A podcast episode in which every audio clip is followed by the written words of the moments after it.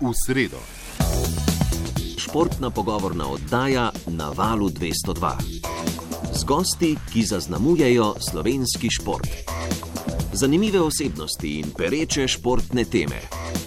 V sredah zvečer od 21. do 22. na valu 202. Dobro večer in dobrodošli v oddaji v sredo, ki bo nocoj posvečena športnim junakom letošnjega leta. Kdo so torej nasledniki Primoža Rogliče, Janje Garambret in moške odbojkarske reprezentance, več v nadaljevanju, za začetek in naše ogrevanje pa je preplet športnih vrhuncev v letošnjem letu pripravil Luka Petrič. Slovenski športniki so bili letos učinkoviti. Športnih tekmovanj je bilo malo, a uspehov kljub temu veliko.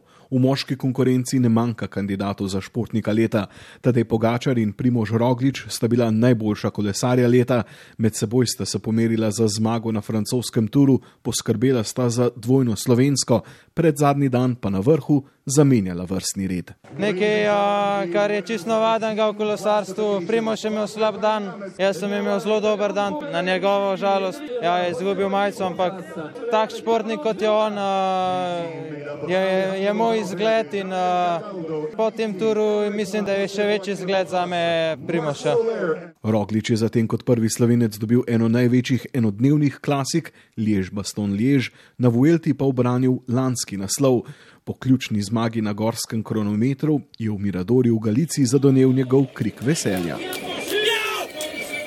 Tudi Tim Gajser je ponovil lanski uspeh in znova postal svetovni prvak v motokrosu. Jeremy Sever seveda v tem trenutku ni pomemben, je pa pomemben naš tekmovalec, ki se veseli novega naslova svetovnega prvaka. Tim Gajser je svetovni prvak elitnega razreda 450 kubičnih motorjev, pa to je neverjetno. On stran luže sta blestela Dončić in Dragič. Luka Dončić zdaj velja za enega najboljših košarkarjev na svetu, izbran je bil v prvo peterko lige NBA. Ni mu veliko manjkalo, da bi redni del sezone končal s povprečjem trojnega dvojčka, v končnici pa je bil še boljši. Bang! Bang! Goran Dragič pa je kot najboljši strelec Miami popeljal do velikega finala. Mejnike so premikale tudi slovenske športnice. Boksarka Ema Kozin je dodala še en šampionski pas v svojo zbirko. Ana Belec je bila najboljša v seriji Simetra in se tako uvrstila na najvišjo raven med elito ženskega golfa.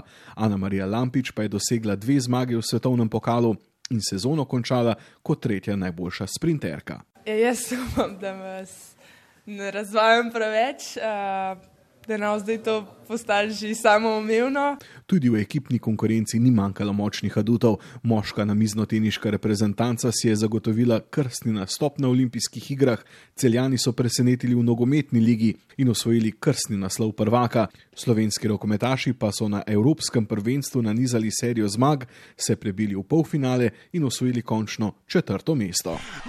Gol! 21-19, Jure Dolenec, sedmi gol. Slovenija je nekaj sekund oddaljena od zmage proti Švedom. Pogovore športniki leta lahko danes od 21. naprej ujamete na valu 202. In ker je ura že nekaj čez 21, imamo za vas pripravljen prvi pogovor. Gre za športnika, ki je požel največ naše in pa tudi vaše pozornosti v letošnjem letu, ter pobral največ glasov slovenskih športnih novinarjev. In kdo je to?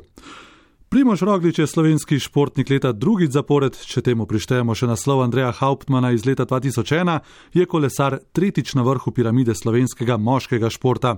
31-letni zasavec je na nocojšnji prireditvi sodeloval virtualno, saj se je pred dnevi iz mrzle Slovenije vnovič preselil v svoj drugi dom v Monaku, kjer so razmere za dolgotrajne kolesarske treninge trenutno precej boljše. Za kolesarje se je namreč na nek način leto 2021 že začelo. Pred prireditvijo je imel novinarsko konferenco nadaljavo, njegove današnje izjave pa je v prispevek povezal Igor Tominec.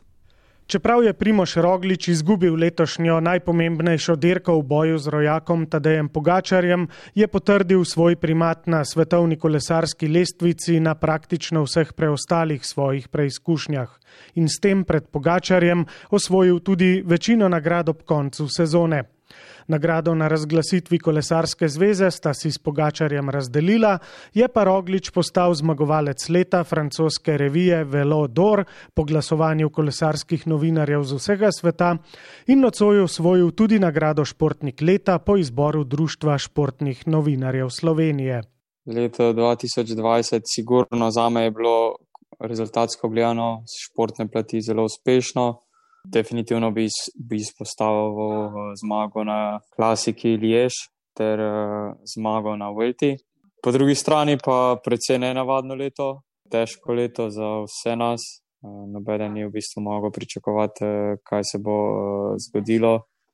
Se mi zdi, da smo vsi postavljeni v ta boj skupaj proti pandemiji in koronavirusu. Koronsko leto 2020 je po eni strani prineslo veliko omejitev ukrepov, dodatnih logističnih zahtev organizatorjev in profesionalnih moštev. Toda Primoža Rogliča, ki je v sezoni nanizal kar 12 zmag, očitno vse to ni motilo in se je predano, ne meneč se za letošnje spremenjene razmere, posvetil svojemu profesionalnemu poslanstvu nič me ni zbudilo, v bistvu, kar, kar se tiče vseh teh ukrepov. Konec koncev sem bil izjemno vesel, da, sploh, da smo sploh imeli kakšno dirko. Mogoče predvsem to, kar me je motilo, da v bistvu ni bilo tako, kot je bilo prej, ni bilo navijačev v progi, ker sigurno navijači ti dajo tisto dodatno energijo. Primoš Roglič je letos večkrat tudi danes povdaril, da je pravzaprav lahko hvaležen, da je kolesarska sezona sploh potekala, saj so mnoge dirke zaradi zdravstveno-varnostne situacije visele na nitki. Malo je torej manjkalo, da bi letošnja izjemna forma ne samo njega, številnih slovenskih kolesarskih profesionalcev šla neopazno mimo, saj je ne bi mogli prikazati na tekmovanjih. Konec koncev imam jaz mogoče samo to srečo da lahko v bistvu skozi šport sporočam nekaj več, uh, se mogoče dotaknem nekaj več ljudi kot vsak posameznik. Lahko tudi uh, v, te, v, v tem pogledu sporočam neko pozitivo po vsakodnevnem boju za, za boljši jutri, po upanju. Nekaj, nekaj stvari smo se sigurno naučili, uh, največ se naučiš takrat, ko ti v bistvu ne uspe nekako želim z enako vnemo kot v, v preteklem letu, v preteklih letih pristopiti tudi v prihodnje leto. Definitivno pa upanju, da, da bomo skupaj premagali ta, to pandemijo in vse te stvari in bomo spet čim bliže preteklosti, ki smo, ki smo jo bili vajeni. Primoš Roglič je letos prikazal vse najboljše lastnosti pravega športnega šampiona. Kot je znano, ni vedno zmagal, predvsem poraz na francoskem turu je bil boleč, vendar ga je prenesel tako dostojanstveno in športno, da je v teh zelo brezobraznih in nesramnih časih prinesel nek nov navdih občinstvu, tudi tistemu, ki običajno sploh ne spremlja kolesarstva. Samo delaš, bom rekel, posebno naravno. Nikoli prav posebej nisem uh, načrtoval, še posebej pa ne vseh teh čustev in vseh teh stvari v, ja, v takšnih situacijah, se res v bistvu ne da kontrolirati in vse je šlo samo spontano. Mi je zelo všeč, če bom rekel, ja, predvsem to, da so opazili, tako kot ste omenili, mogoče tudi lahko ljudje, ki res ne spremljajo kolesarstva. In da vsak lahko konec koncev potegne ven neko neko pozitivno misel uh, iz tega. Zanimivo je Rogličevo razmišljanje o življenju v mehurčku in karanteni. Življenje športnih asketov, kakršen je tudi sam, je že v popolnoma normalnem obdobju precej podobno mehurčku, saj se mora vrhunski športnik glede življenja nasploh, prehrane, počitka, druženja, tudi sicer obnašati tako kot letos.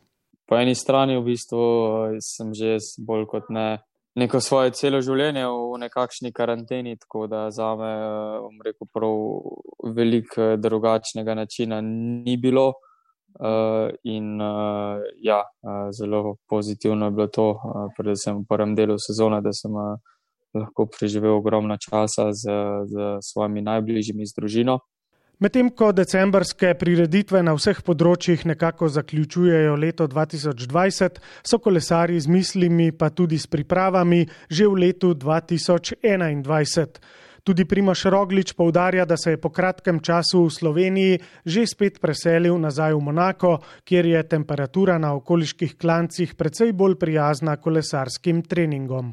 Počasi bom rekel, sem uh, ja, začel uh, bolj aktivno preživljati uh, ja, vse čas, uh, že nekaj tednov nazaj, ampak uh, ja, verjetno bolj na drugačen način, ker konc koncev lahko tudi v danem trenutku upravljam še mnogo več stvari, kot, kot res sedim samo na kolesu. Ampak ja, začenjamo bolj in bolj osredotočati misli na, na izzive, ki nas čakajo v tem začetnem delu bolj potegne vse sestanke in uh, vsa študiranja, kaj in kako, načrtovanja, ter uh, ja, tudi uh, samega, samega treniranja.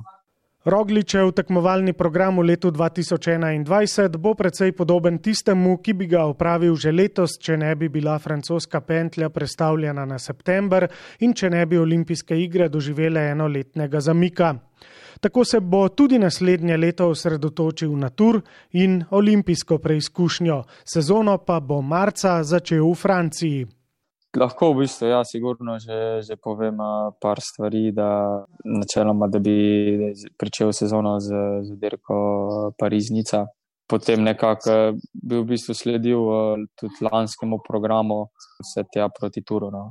Bolj podrobnosti bom pa kakorkoli lahko eh, potrdil, ko bomo vse skupaj res eh, dokončno dorekli z, z mojimi šefi, tudi eh, z vsem osebjem.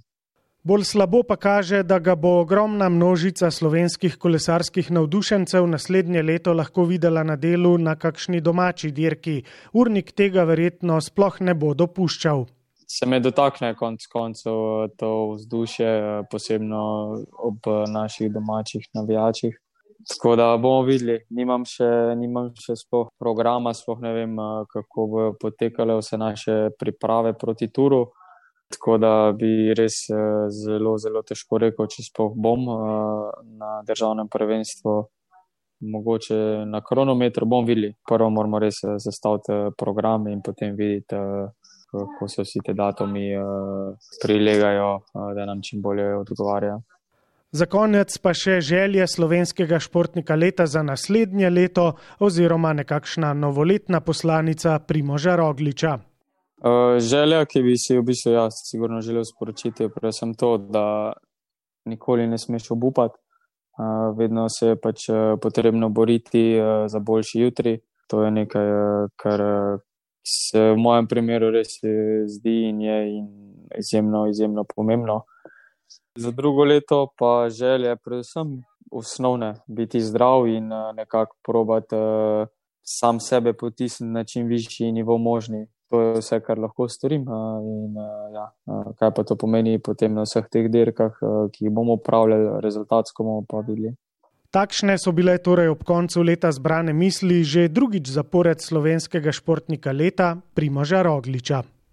Primož Roglič torej še drugo leto zapored najboljši slovenski športnik po izboru Društva športnih novinarjev Slovenije. Po krajšem glasbenem premoru predstavimo slovensko športnico leta 2020.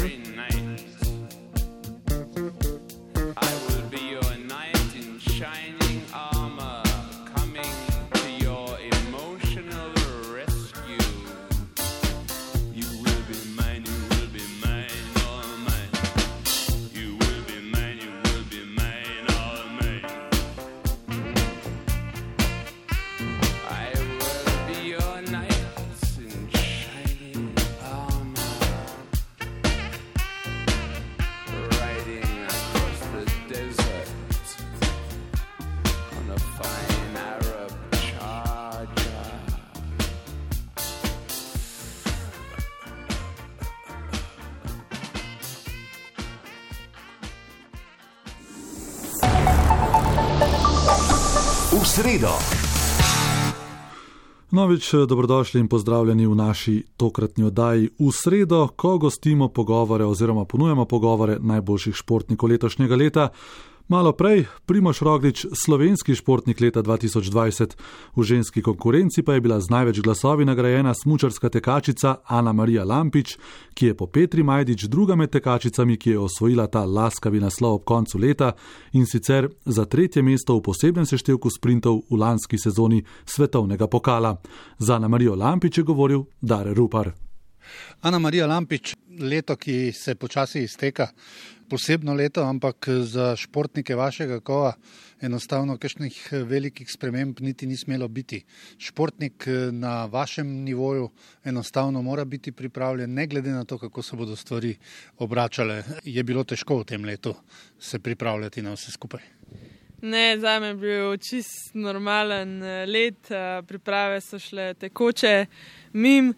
In ne vem, tudi sezona se je odlično začela, razen ok, zdaj Lillehammer so skenslali, drugač pa da voz smo dal čez, zdaj gremo v Dresden, uh, pa bo Tour de Ski.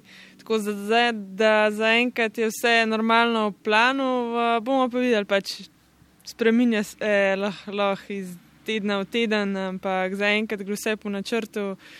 In ja, mi, mi ne dela nobenih težav, tale korona zaenkrat. Bili ste z našimi, bili ste z italijani, tako uh, ste se pač odločili in tako delujete sedaj že kar nekaj let. Ali je veliko teh besed uh, s to korono, ali se enostavno športniki držite tistega, kar je za vas pomembno, torej, da ste dobro pripravljeni?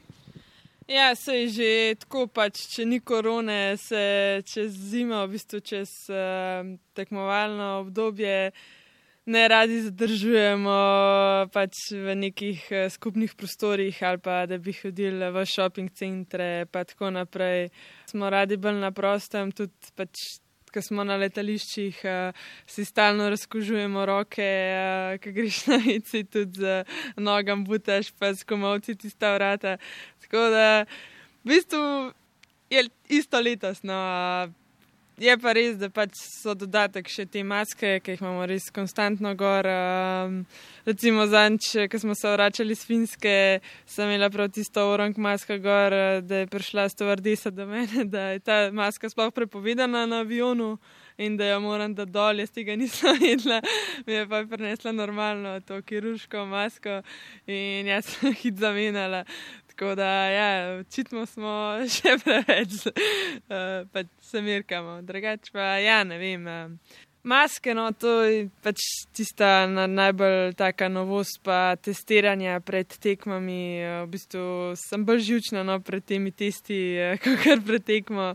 Res mi je to neprijeten, ko mi gre s palčko noto nos, me kihant, srbi, ne vem, pač taka neprijetna, ne bolečina, se ne veš, med bolečino pa zgačkanjem.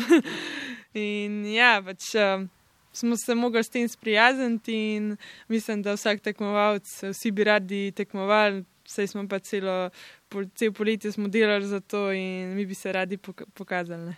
Je pa ta servis vražje, vražje pomemben. Eh, ko vidimo, eh, sedaj sicer nekaj manj teh eh, kamionov ob progah, slovenska reprezentanca tega enostavno nikdar ne bo imela. Ste zaradi tega kdaj razmišljali, da ste zakaj prikrajšani? ali enostavno, da zaradi tega ne morete biti povsem konkurenčni, čeprav se zelo, zelo uspešno borite tudi s temi najboljšimi reprezentancami.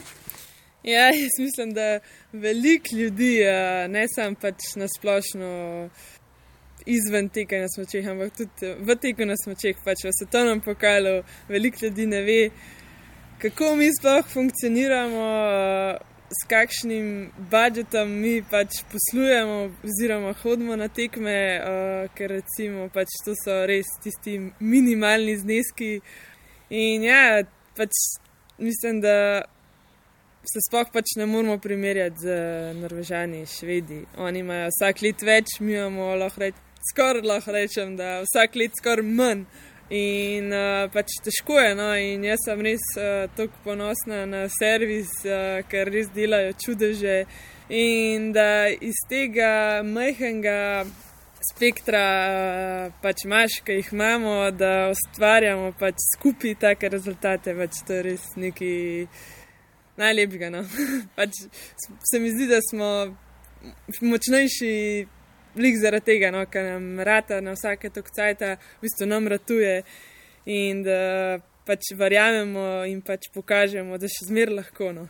Niti ni na vsake toliko časa, vi ste prava stalnica. Konec koncev Petra Majdič je eh, sedaj že pred več kot desetimi leti prva odprla resnično vrata tudi na Smučarski zvezi za smučarski tek. Vedno vam pravimo, da ste princeska po njej, ki je bila kraljica našega teka. Pa bi vas, eh, mislite, tudi tako poslušali, kot so njo, ki je takrat dobesedno dobila svojo ekipo in je začela s tem zadnjim obdobjem, konec koncev ste tudi vi v tem sistemu zrasli. Glede na to, kakšna je zdaj situacija, se mi zdi, uh, da je čist nekaj drugega in da si v bistvu uh, ne jaz, ne pač. Uh, discipline, smočarski tek tega ne more prvošati. In uh, pač hočem, da smo kot ekipa pač res uh, tista dobra, povezana, pač brez kakšnih kregarij in uh, raznih zapletov. In se mi zdi, da res dobro funkcioniramo, sploh pa smo zdaj res. Lahko rečem, sami prijatelji, no, v ekipi isto stari, uh, poznamo se pa itak že, se mi zdi, od sedmega leta naprej. Veliko ste tudi z Italijani. Eh, vemo, kakšna je vaša naveza s Stefanom, ki je bil dve leti pri nas glavni trener. Je čutiti to razliko? Imajo Italijani več? Čeprav Italijanke dobesedno uh, skoraj ne morejo biti več pred Ano Marijo Lampič uh, in sedaj tudi pred Evo Urevc, skoraj da ne. Glede servisa, sigurno nimajo težav, to se vidi, da imajo tudi tiste punce zadaj, malo slabše, odlične smuče. In um, se jih to pozna, no, recimo takole, um, da te preseneti, kakšno od ozadij uh, in uh, pač štejejo tiste najboljše smučine, ne pripravljenost. Um, in pač tega se mi zdi skozi več. Uh, mi se res borimo, uh, kot levi, uh, levinje in uh, to bomo pač delali še naprej. v to ne dvomim, ampak pojdiva sedaj še k vsemu tistemu, kar se je lani dogajalo. Moram reči, da ob vsem tistem, predvsem mislim, da odrezno ste me močno presenetili z vašo izjavo. In šele približno na 70 odstotkih vloženega dela sem pa dosegam in zmage in se borim za uh, mali kristalni globus. Se res da s temi 70 odstotki? Je to uh, tudi načrtno pri vas? Vemo, kak, s čim vse ste se morali spoprijeti uh, kot uh, mlajša uh, tekmovalka. Je to prav načrtno, da še niste povsem odprli vseh svojih arzenalov? Ja, pač itak od tekmovalke do tekmovalke je pač. Uh, smo si različni in pač uh, glede na to so pač sledijo tudi različni plani. Uh, in jaz sem pač sem taka tekmovalka, da, da rabim iti po stopničkah. Um, in ja, že odkar me pač stejo prevzel, se pravi, zdaj je že ta peto leto, nekako greva res po stopničkah.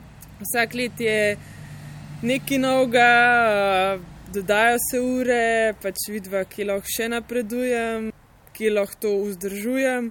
In pač ja, vsak let se vidi napredek in pač mene to veseli in skozi la, lažji, boljš treniram, la, pač res grem rada na trening.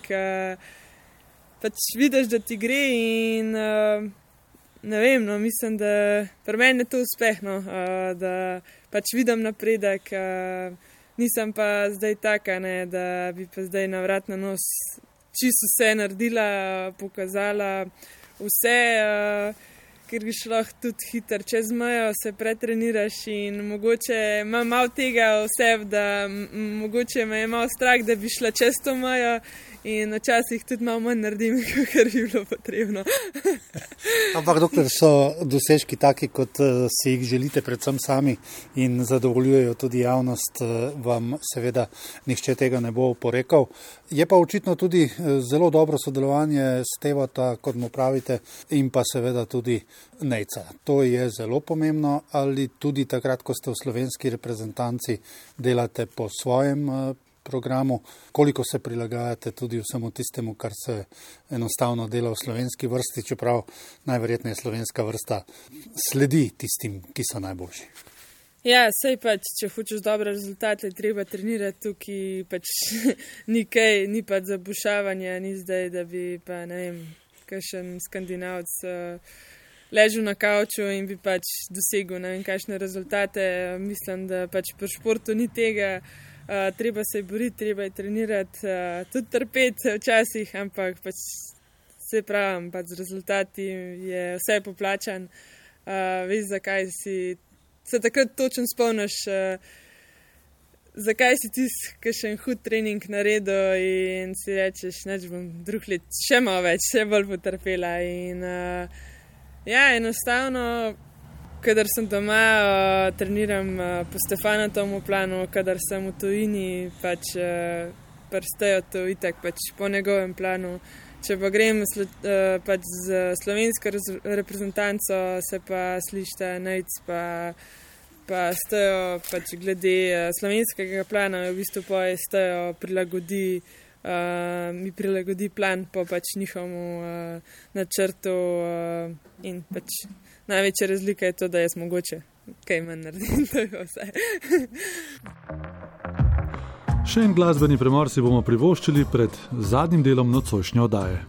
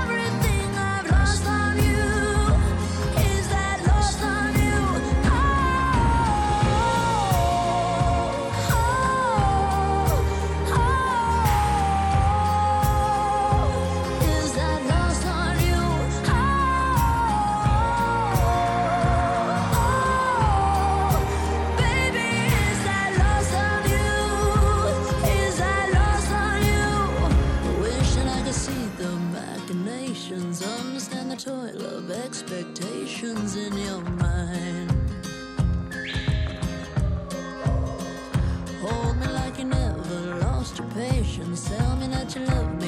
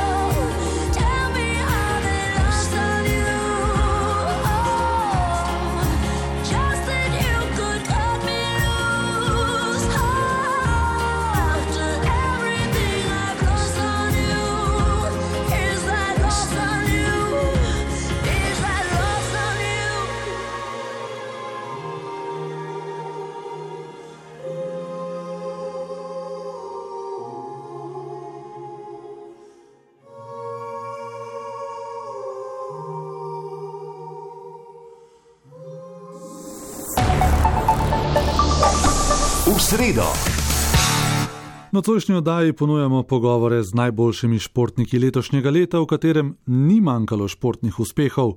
Nagrado sta na drevišnji 53. podelitvi prejela kolesar Primoš Roglič in smučarska tekačica Ana Marija Lampič. V naslednjih minutah pa več o športni ekipi leta.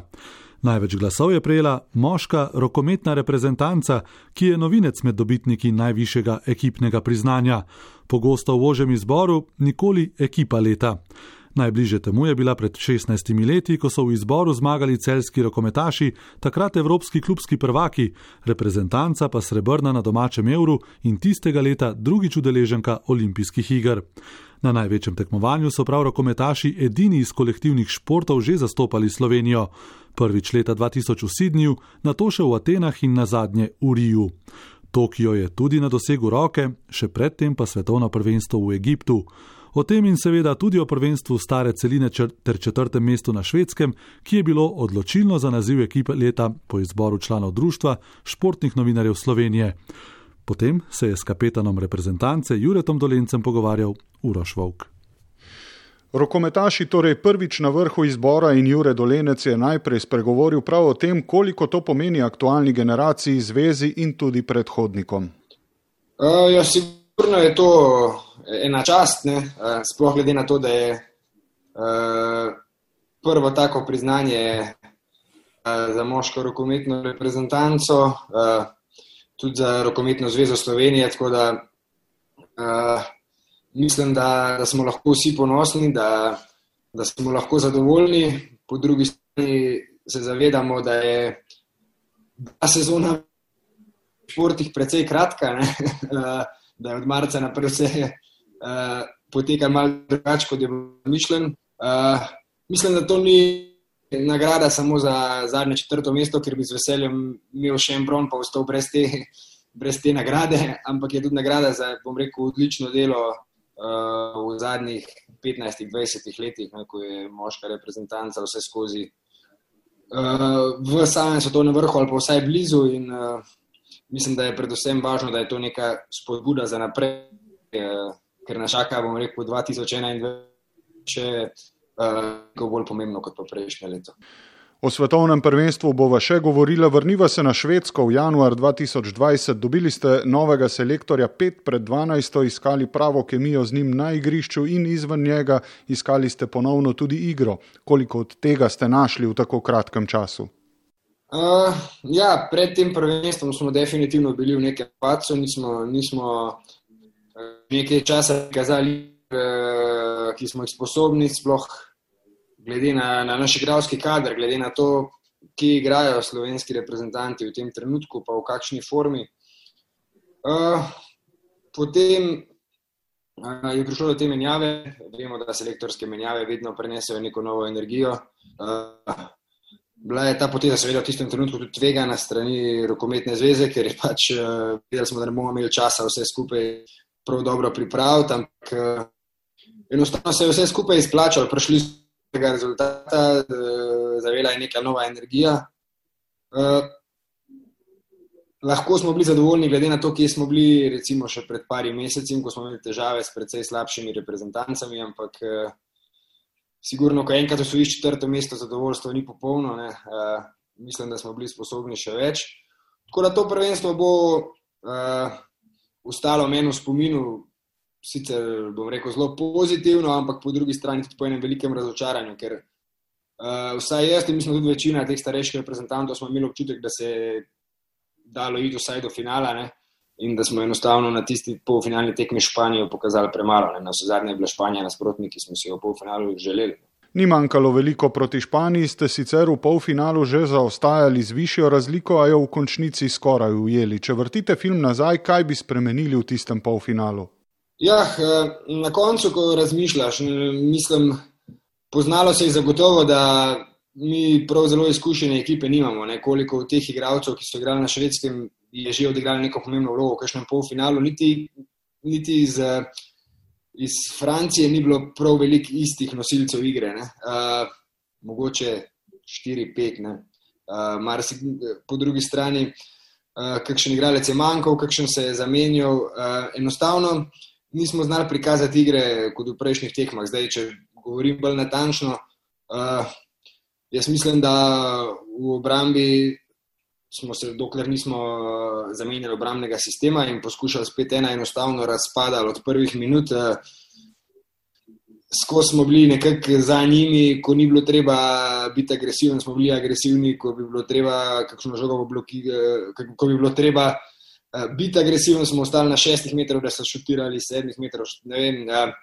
Španci nimajo nekih šuterjev, ampak mi enostavno nismo, nismo se znali, znali prilagoditi na njihov način igre, čeprav smo vedeli, kako igrajo. Eh, v napadu pa smo definitivno izgubili preveč žogne, na ta način so tudi oni konec koncev naredili razliko s proti napadi. Eh, s tem, da smo vedeli, kako Španci, kako Španci igrajo v obrambi, ne, z veliko izpadanja, predvidevanja. In to nam je zdaj vedno tudi odgovarjalo, ker na ta način puščajo veliko več prostora za igro ena na ena, ampak mi enostavno v tej igri ena na ena nismo bili dovolj agresivni, nismo šli dovolj na gol, nismo uspeli realizirati naših akcij. Skratka, ja, na koncu je razlika bila samo en zadetek, ampak uh, zaslužili smo si izgubiti večjo razliko. Pred, uh, predvsem to boli, da pač nismo bili na nivoju te tekme, ker jaz sem prepričan, da če odigramo Španci deset tekem, smo vsaj petkrat boljši od njih, ne? ker mislim, da je to reprezentanca, uh, ki nam ustreza, ustreza nam njihov način igre. Omenili ste izkušnje, kaj to pomeni, da morate odigrati še nekaj polfinalov, preden boste ujeli še kakšno medaljo? Uh, upam, da ne. Upam, da je, uh, da je bilo enkrat dovolj za to generacijo, recimo, oziroma dvakrat, če štejem še Francijo. Uh, Predvsem je pa pomembno, da se na dolgi rok eh, pogosto uvrščamo v polfinale. Ne? Zdaj 2017, 2020, to je, to je že kar v redu, če bi nam uspeli še v nekem krajšem časovnem intervalu, bi bilo še boljše. Ne? Na vse zadnje, če si vsako drugo tekmovanje v polfinalu, bojo tudi medalje prišle slejko prej. Uh, je pa res, da se pravim, jaz mislim, da je bila to ena velika priložnost za, za finale in vsi vemo, da bi se potem tam udarili s Hrvaško in kakšne so do tekme Slovenije-Hrvaška. Ne? sploh eh, v nekem, na nek finale Evropskega prvenstva. Tako da, ja, škoda, zamujena priložnost, ampak na srečo je nas januarja čaka že nova, na srečo je rokomet, tako da je teh priložnosti kar precej. Vsako leto nudi veliko tekmovanje v rokometu, enkrat Evropsko, drugič svetovno prvenstvo, pa na štiri leta še olimpijske igre. Leto 2020 je bilo v rokometu pravo le v prvih treh mesecih, potem se je povsod ustavilo, ob ponovnem zagonu pa se še ni našlo prave formule, da ne bi tekem predstavljali tako klubskih kot tudi reprezentančnih. Konec oktobra, začetek novembra novembra je bila reprezentanca na zadnje skupaj, pa ni odigrala nobene od predvidenih dveh tekem novega kvalifikacijskega cikla. Slovenske igralce Barcelone, Kila in Vesprema zaradi korone konec leta čaka predstavljen zaključni turnir lige prvakov, potem pa vse skupaj pred odhodom v Afriko še kvalifikacijski tekmi z nizozemci za Evropsko prvenstvo na trpan urnik. Ja, dobro, te kvalifikacijske tekme boste zdaj v bistvu na mest prijateljskih tekem, ki jih običajno igramo. Uh, s tem, da boste tekmi kvalifikacijski in to proti najtežjem tekmecu na papirju v naši skupini. Tako da, uh, ja, enostavno bo ta že ti dve tekmi na noč. No? Uh, mogoče pač ne bo toliko priložnosti za neke rotacije in preizkušanje in počivanje kakšnih nosilcev igre kasneje na prvenstvu. Uh, ampak bo enostavno treba že na teh dveh tekmah uh, dati vse od sebe kar mogoče sploh ni slabo, in situacija je podobna ali pa enaka za vse reprezentance.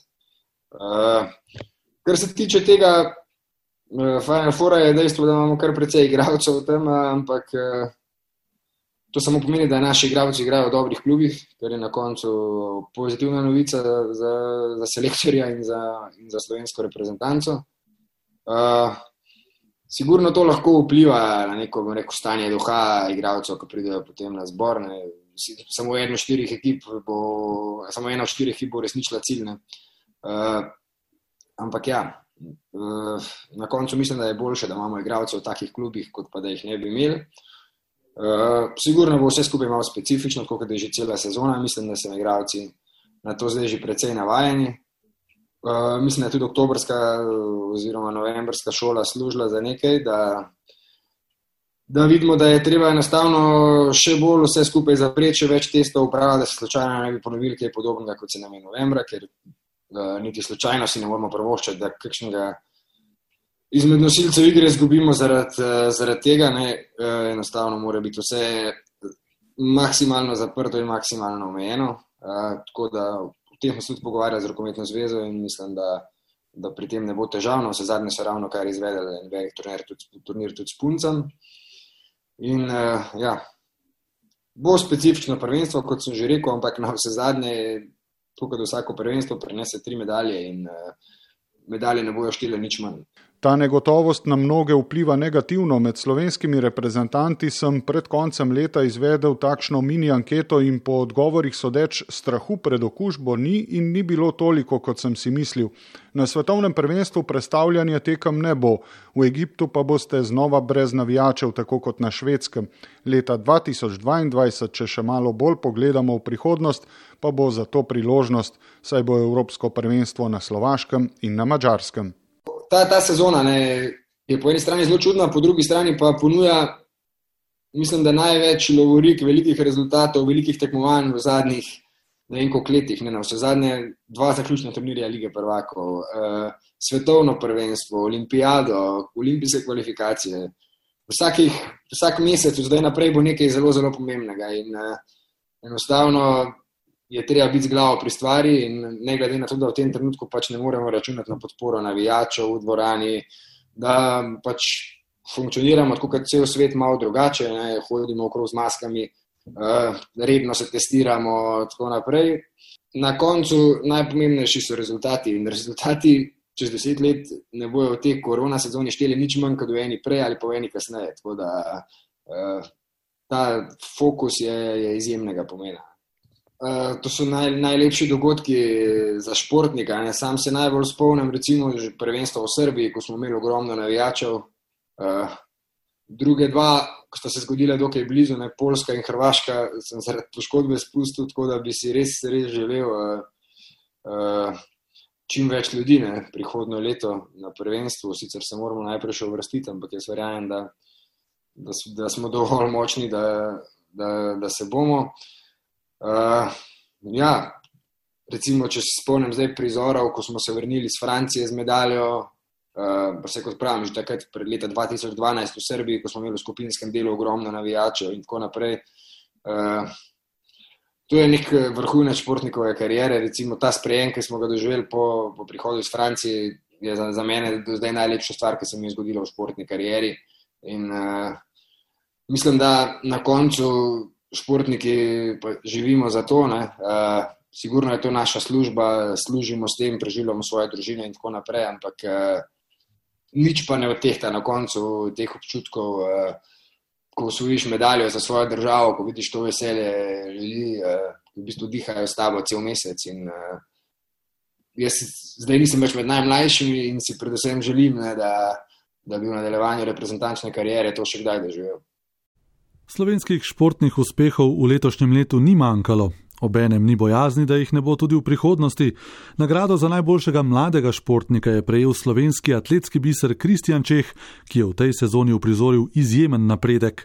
Kristjan Čeh je trenutno na treningih na portugalskem, kamor ga je poklical Tomaš Langerholc. Kristjan Čeh, lepo zdrav v Monte Gordo, kjer so temperature prav gotovo više, kot jih imamo v domovini.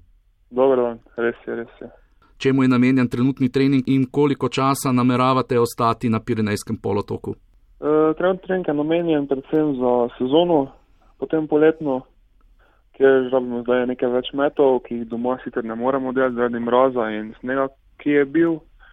Smo pa že tu uh, dva tedna, tako da še en teden, pa gremo nazaj domov. Pogoji so takšni, kot ste pričakovali? Ure so dobre, sonce je, toplo je, tako da metati se da, vse je tu, kaj rabimo, tako da pogoje so dobre. So še kateri drugi tekmovalci tam? Uh, so ena ekipa z Kube še je, zdaj pa še par Čehov, tudi metalcev, tako da je kar nekaj. Kristjan, letošnja sezona je bila specifična in zelo težka, a za vas hkrati izjemno uspešna. Če se še enkrat ozrete nazaj, po čem si jo boste zapomnili? Ja, zapomnil sem zigar po vrhunskih rezultatih, ja, ki jih eh, nisem pričakoval predtem. Tako da potem najbolj. Ja, že nekako lani ste s svojimi rezultati napovedali velike stvari, a letošnja pomlad in zgodne poletje sta vas izstrelila v evropski in svetovni atletski vrh. Uvodni domači mitingi so bili zares izjemni. Ja, res je, trenirali smo tudi trdo, eh, tudi med um, korono, tako da maj, par, par majhnih sprememb tudi naredili. In se mi zdi, da je to kar izboljšalo neko tehniko in tudi potlej s tem prišel rezultat. Še posebno miting v Mariboru je bil prav neverjeten. Ste se tam tako dobro počutili tudi zaradi bližine vašega domačega ptuja? Ha, ne vem, res sem se dobro počutil, a letelo je kar letelo, pa niti sanjah ne mislim, da bi res tako daleč lahko vrgol letos že. Vse skupaj vas je pripeljalo do naziva najboljši mladi športnik v letu 2020. Kaj vam to pomeni in seveda čestitke na tem mestu? Najprej hvala lepa. Ja. Sedaj meni zelo dosti, to je neka prva taka zelo velika nagrada, ki sem jo dobil. In eh, po mojem to res potrebuje, da smo na pravi poti, da dobro treniramo in tudi da eh, drugi opazijo taki dober rezultat. Kako gledate na uspehe ostalih slovenskih športnic in športnikov? Ana Marija Lampič, Primoš Roglič in moška rokometna reprezentanca so v letu 2020 najboljši. Ja, seveda gledam spoštovanje, pač vsak športnik trdo trenira, trdo gara, da potle lahko na tekmovanjih pokaže neki uspeh, neko, eh, neko veliko vrstitev. Seveda, spoštovanje tudi drugim se v prihodnosti, v naslednjih letih, tudi sami vidite na mestu najboljšega športnika Slovenije, med posamezniki, seveda? Ja, jaz bi rekel, upam, da res, da bom tudi jaz postal najšportnik. Torej, kakšna so pa pričakovanja za prihodnje leto, ko so na sporedu tudi olimpijske igre v Tokiu? Jaz pričakovanja nisem neka posebna. Eh, če bo takšna sezona, kot je bila zdaj, bo tudi izjemno. Že pa drugo leto še Evropsko prvenstvo do U23 še zadnje in potem seveda zatem še olimpijske Tokio. Ob dejstvu, da boste prihodnje leto, seveda za eno leto izkušenejši, vam morda celo odgovarja, da so igre v Tokiu prestavili za eno leto. Ja, res je, to res malo priti, da sem res leto, leto dni starejši, leto več izkušen in uh, seveda leto več tekmovanj. Kristjan, ali se morda že za prihodno sezono spogledujete z metom preko magične meje 70 metrov? Ja, to bo težko reči. Ne vem, upam si, da bom vrgel čez 70, ampak eh, nišče pa zdaj ne ve, kdaj, kak, ki, tako da bomo videli, kako bo. Ja, Kristjan Čeh, še enkrat eh, čestitke in eh, predvsem, tako kot se zdaj pogovarjamo v domovini in verjetno po celem svetu, ostanite zdravi. Hvala, hvala. Štajerski hrust Kristjan Čeh je Upamo in si seveda želimo atletski naslednik Primoža Kozmusa, ki nas je pred leti navduševal na največjih svetovnih tekmovanjih. Prihodnje leto sledijo nekateri veliki športni dogodki, med temi olimpijske igre v Tokiu, ki kljub trenutni zdravstveni sliki po svetu naj ne bi bile ogrožene. Ob igrah pod petimi krogi pa bo še cel nabor tekmovanj in turnirjev, da se bomo zagotovo veselili novih uspehov naših predstavnikov in predstavnic, ter da bo ne na zadnje tudi izbor za športnika leta za nas, novinarje, še toliko težji. Imejte radi šport in se tudi sami čim več ukvarjajte s telesno aktivnostjo. Hvala za vašo družbo in pozornost, lep večer še naprej vam želim.